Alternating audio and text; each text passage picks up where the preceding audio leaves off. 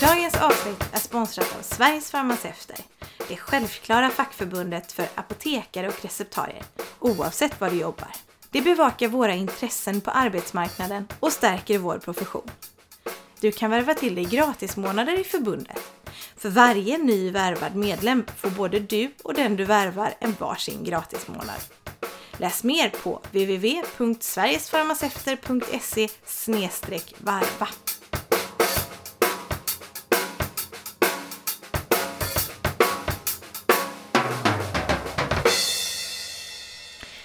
Hej och välkomna till det här avsnittet av Farmaceutpodden med mig, apotekaren Isabella Stenmark. Ni som har hört mig prata tidigare vet att jag är ganska nöjd över val av utbildning.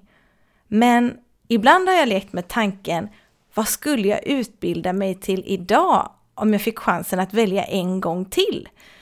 Och jag menar inte att jag skulle vilja backa tillbaka tiden och ändra mina val, utan om jag hade möjligheten, vilken utbildning skulle jag vilja läsa utöver min apotekarexamen? I det här avsnittet har jag nöjet att gästa Sara Kristersson som gjorde just det, valde att läsa en utbildning till.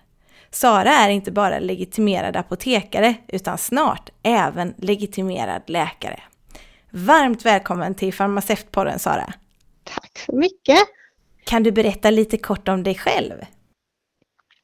Ja, eh, jag är 39 år. Jag bor i Malmö tillsammans med min man, våra två barn och vår katt.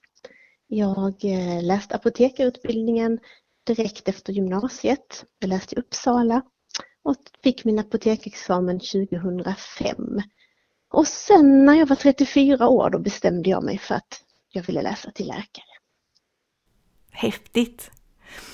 Jag antar att vi kommer få höra lite mer om det lite längre in i intervjun här. Hur kommer det sig att du valde att läsa till apotekare efter gymnasiet då?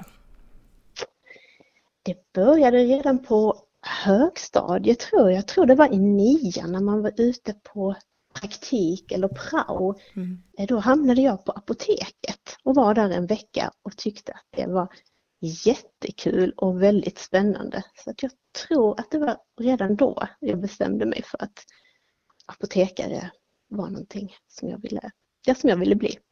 Jag hade stort intresse för biologi och kemi i skolan så jag tänkte att det skulle passa mig bra. Mm. Ja, jag tycker det är så roligt att höra det här för det är man har ofta bestämt sig så tidigt för vad man eh, tycker om. Det, det, det är ganska häftigt faktiskt. Ja. Vad jobbade du med som apotekare innan du påbörjade din nya utbildning? Ja, direkt efter examen så började jag på apotek och mm. vikarierade där ett halvår ungefär. Eh, fick bland annat eh, möjligheten att jobba på eh, apoteket Svanen i Lund som är ett av Sveriges äldsta apotek. Ja! Så det, var väldigt kul att få, få vara där, det var en väldigt fin miljö. Just det. Men sen så hamnade jag inom läkemedelsindustrin och började jobba inom Regulatory Affairs mm. med registrering. Och först så jobbade jag på ett företag som inriktade sig på parallellimport och generika. Mm. Sen jag hade varit där ett tag så 2007 då började jag på läkemedelsföretaget Lundbäck i Köpenhamn. Mm. Eh, och det var väldigt spännande. Där jobbar jag också med Regulatory Affairs men med marknader utanför eh, Europa, ja, främst med Kina och Sydostasien. Mm. Så eh, dokumentation och krav och regler kring läkemedel där som då skiljer sig lite grann ifrån Norden och Europa. Och jag fick åka till Malaysia och Singapore och tyckte det var väldigt spännande att jobba där. Men sen blev jag mamma, fick två barn och tyckte att nej, jag ville inte pendla till Köpenhamn varje dag utan mm. sökte mig till jobb här i närheten i Malmö och då började jag på Nordic Drugs mm. som då eh, har produkter på de nordiska marknaderna. Så jag jobbade med Regulatory Affairs även där, men då kontakt med Läkemedelsverket och läkemedelsmyndigheterna i de andra nordiska länderna. Så mycket krav och dokumentation kring läkemedel och eh, uppdatering av fasttexter, bipacksedlar och förpackningsmaterial. Det är det jag har jobbat med. Och ganska bra koll på regelverk har jag fått för mig att man har inom regulatory. Ja precis, det är ju mycket, mycket regelverk som man måste ha koll på och se till så att man följer. Var det, var det kul? Jo men det var det, jag trivdes bra eh, inom läkemedelsindustrin och inom regulatory. Det blir väldigt mycket, som du säger, lagar och regelverk och dokumentation och skrivbordsjobb. Mm. Och man kom ändå ganska långt ifrån patienterna kan jag tycka. Mm. Det var kanske det som jag saknar lite då. Ja, just det. Och hur kommer det sig då att du sedan valde att läsa till läkare? Ja, eh, som jag sa så trivdes jag ju ändå ganska bra att jobba som apotekare och läkemedelsindustrin. Mm. Men läkaryrket har väl alltid kanske ändå lockat lite grann men varit lite mer som en ouppnåelig dröm. Tänkte att det kanske är ingenting som är för mig eller som jag klarar av, men även om det verkar väldigt spännande. Men så hände någonting som gjorde att jag bestämde mig för att ändå söka till läkarutbildningen. Och det var efter att min son föddes så mm. eh, visade det sig att han har medfödda funktionsnedsättningar. Och det har medfört att vi haft mycket kontakt med sjukvården. Och jag blev väldigt inspirerad av de läkarna som vi träffade när min son var liten och insåg då att jag väldigt gärna ville vara en del av sjukvården och hjälpa andra. Att jag, jag som jag sa, vill jobba närmare patienterna och få se nyttan av läkemedel på nära håll. Och sen så tror jag också att det kanske kan vara en viss hjälp för min son att jag är läkare, inte bara mamma utan även medicinskt kunnig. Så jag kan nog säga att det är tack vare honom som jag har omvärderat livet lite grann och vad som är viktigt och att våga satsa på det som känns rätt innerst inne i hjärtat. Vilket fint motiv ändå. Jag menar det är ju inte... Alltså jag gissar ju att det kanske inte är en handvändning man hoppar på en sån lång utbildning till. När man kanske är ganska väl etablerad inom sitt, eh, det yrke man har. Så jag är jätteimponerad. Wow, verkligen. Och jag kan känna igen det där du säger att eh, man skulle vilja se nyttan av ett läkemedel på ett annat sätt. Det kunde jag sakna på apoteket också. Man lämnade ut någonting och man fick jättebra kontakt med kunden och gav bra råd och sådär. Sen fick man aldrig riktigt veta, men hur gick det sen? Så mm. det det ser jag som en stor fördel också om man jobbar inom läkaryrket, att man har chansen att följa upp faktiskt och få den här kliniska erfarenheten på ett annat sätt. Ja. Men när du väl eh, bestämde dig då för att eh, läsa till läkare och kom in på utbildningen och sådär, kunde du mm. tillgodoräkna dig någonting av eh, det du har läst tidigare eller tidigare arbetserfarenhet och sådär? Ja, na, ja, både och. I början var det inte så mycket jag kunde tillgodoräkna mig och arbetslivserfarenheten har jag inte kunnat tillgodoräkna mig. I början av utbildningen så läser man en del cellbiologi som jag försökte tillgodoräkna mig från det jag läst på apotekarprogrammet mm. men det gick de inte riktigt med på. Det var en enstaka labb som jag slapp göra. och sen, fast jag tyckte ändå att cellbiologin på läkarprogrammet och apotekarprogrammet var ändå, ändå ganska lika men de hävdade att det här var mer medicinskt inriktat. Okay. Eh, och sen lite statistik så där i början fick jag tillgodoräkna mig mm. också. Sen har det varit nu på slutet av utbildningen, då har jag fått tillgodoräkna mig mitt examensarbete som jag gjorde på apotekarprogrammet. Och det är ju en hel termin mm. som man gör eh, sånt här, jag sitt magisterarbete. Mm. Så det var skönt att få hoppa över en termin faktiskt. Och sen också en valbar kurs på fem poäng har jag fått tillgodoräkna mig. Men eh, tyvärr så på läkarprogrammet så läser man ju ingen ren farmakologikurs eller så som man tänker att man kanske annars kunde tillgodoräkna mm. sig från apotekarprogrammet utan farmakologin ligger lite insprängd i flera olika kurser under utbildningens gång och kommer lite här och där så det är mm. väldigt svårt att bara plocka ut de bitarna. Men, men lite har jag fått tillgodoräkna mig och Sen har jag ju såklart haft stor nytta av det jag har läst innan, alltså nu när jag läste på läkarprogrammet. Även om det kanske är lite djupare nu så har jag ju ändå haft grunden sedan tidigare, så det har ju ändå varit till stor hjälp. Men kunde du märka det så här på dina kursare att eh, ja men det där har jag koll på? Eller att du, saker som de såg som svårigheter som du kände igen sedan innan? Jo, men det har det nog varit framför allt när det gäller eh, läkemedel och substansnamn och läkemedelsnamn och så. Där hade jag ju, har jag ju haft ett rätt så stort försprång. Mm. För det, om man inte alls känner till den biten så är det ju mycket att lära sig, mycket att ta in och, och så. Jag hade ju alla läkemedelsgrupper ändå ganska klart för mig mm. innan jag började. Så det har ju varit en stor fördel. Vad skönt! Ja. Man, man känner sig, åh, det här kan jag plocka fram från arkivet. Ja, precis. Även om det ibland sitter långt inne så någonstans så har man det ändå. Ja, man känner igen mycket. Jag gissar ju, nu vet jag inte hur mycket mm, fysiologi och anatomi du läste och sådär, men självklart är det ju kanske inte lika omfattande som läkarna läser, men man har ju någon slags hum om saker, man har ju hört det någon gång innan. Ja, absolut, jo det har ju också varit till stor hjälp, helt klart.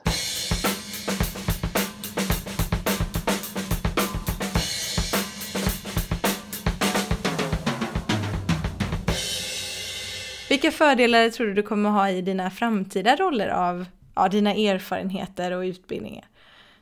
Eh, ja, men det är väl just kanske den samlade erfarenheten från både apotekaryrket och från läkarutbildningen. Och man har upplevt en del när man är lite mm. äldre, livserfarenheten tror jag också väger in väldigt mycket i patientmöten och i min framtida yrkesroll.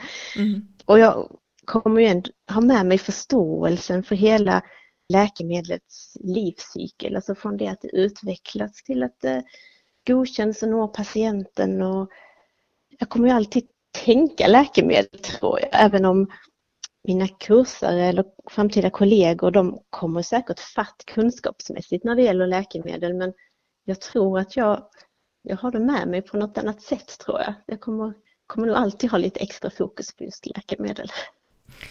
Precis, det, det är som en eh ja, men arbetsskada, kan man säga så? ja, ja, men lite, men det tror jag. Absolut.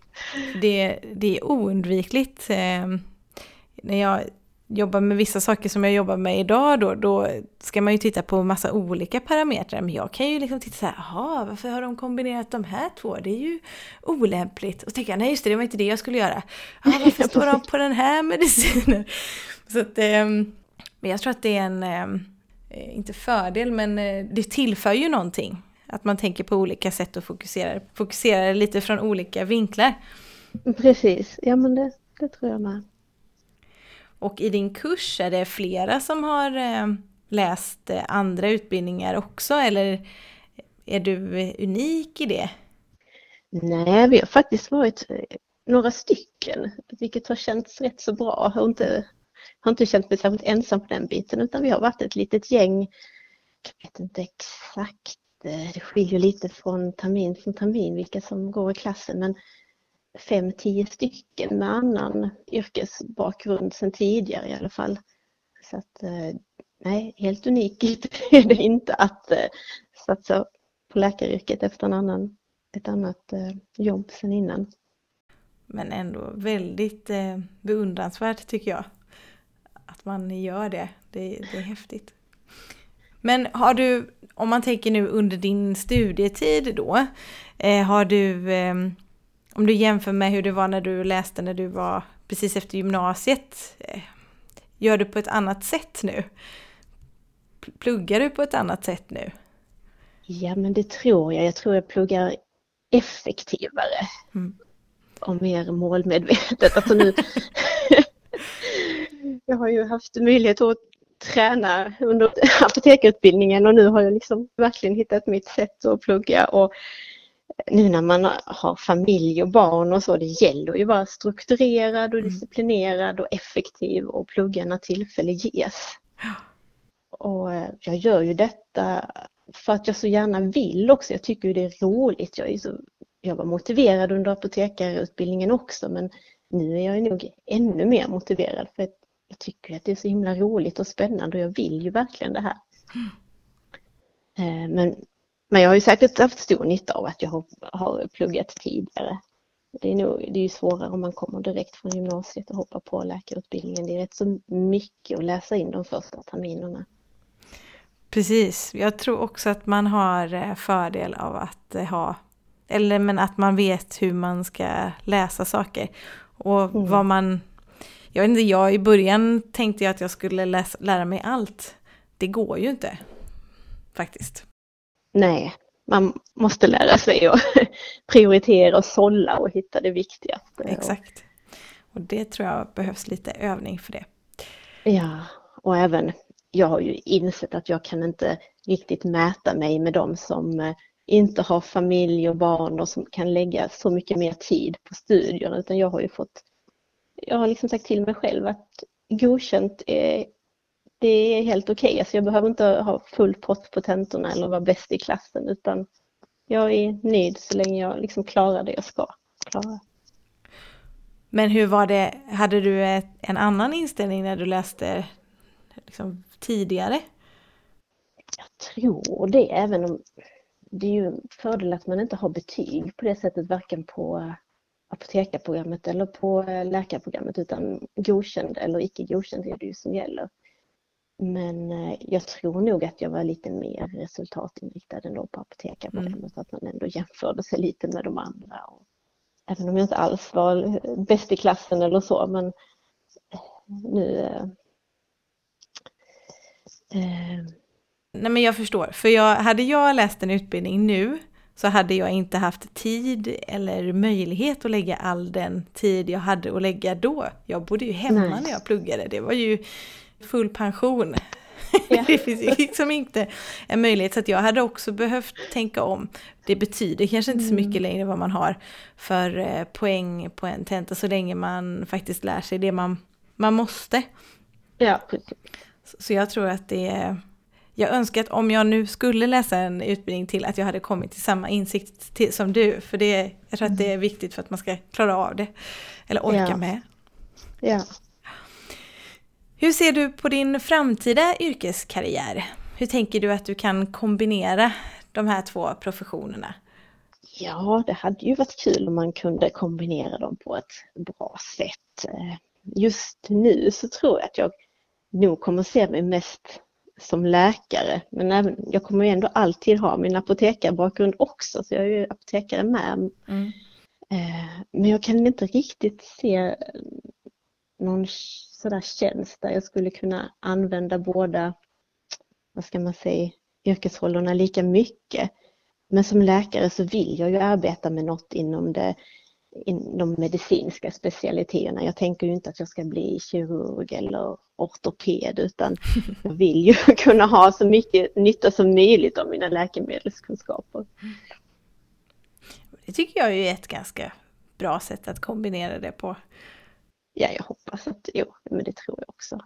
Och sen undrar jag ju, eftersom eh, du nu har läst två stycken ganska långa utbildningar eh, och studiestödet är ju begränsat. Hur har du kunnat eh, försörja dig? Ja, det var ju också en stor eh, sak att ta hänsyn till innan jag bestämde mig för att börja plugga igen. Mm. För under apotekarutbildningen på fem år så tog jag fullt studiemedel så jag hade ju inte så mycket kvar nu när jag skulle börja nästa utbildning. Mm. Så under de fem första terminerna som på läkarprogrammet som då är det är bara teori. Då jobbade jag fortfarande 50 procent vid sidan om.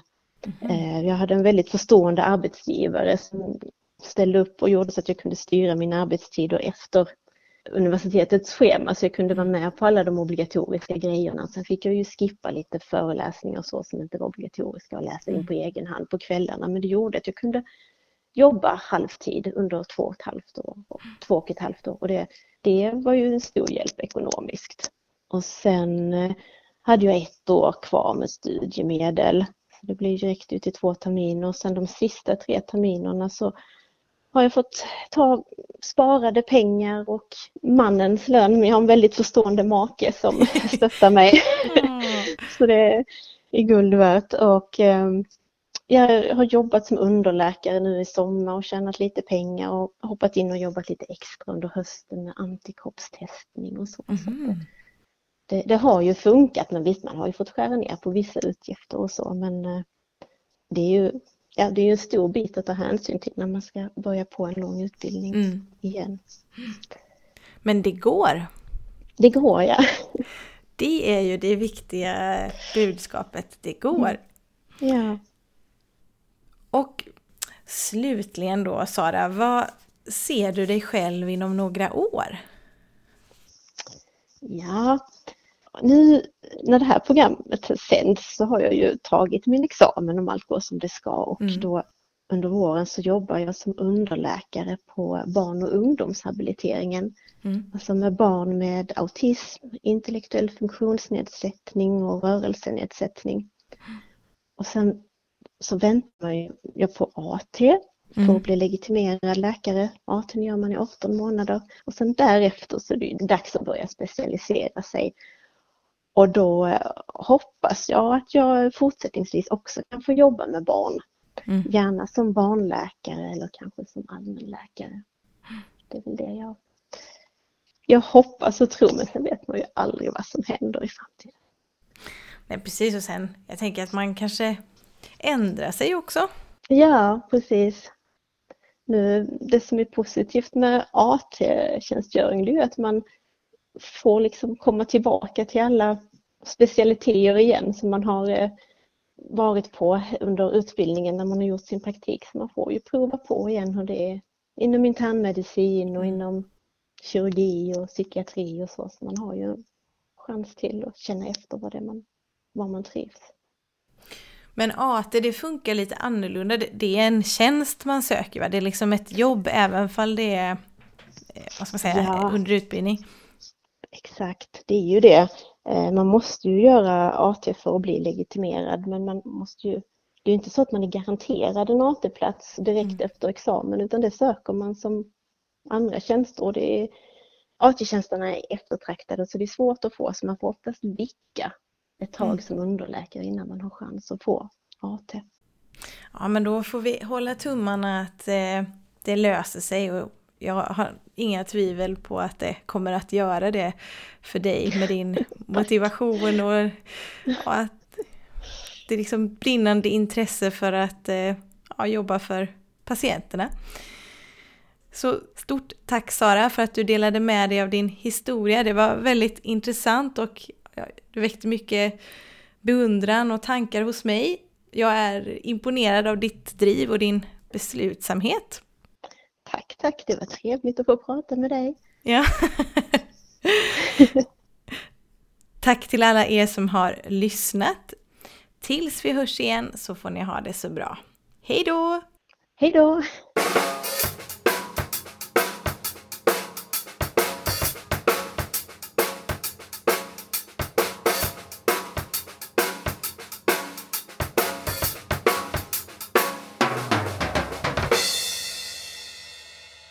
Producerat av Isabella Stenmark i samarbete med fackförbundet Sveriges farmaceuter. Trummor Fredrik Podgorski.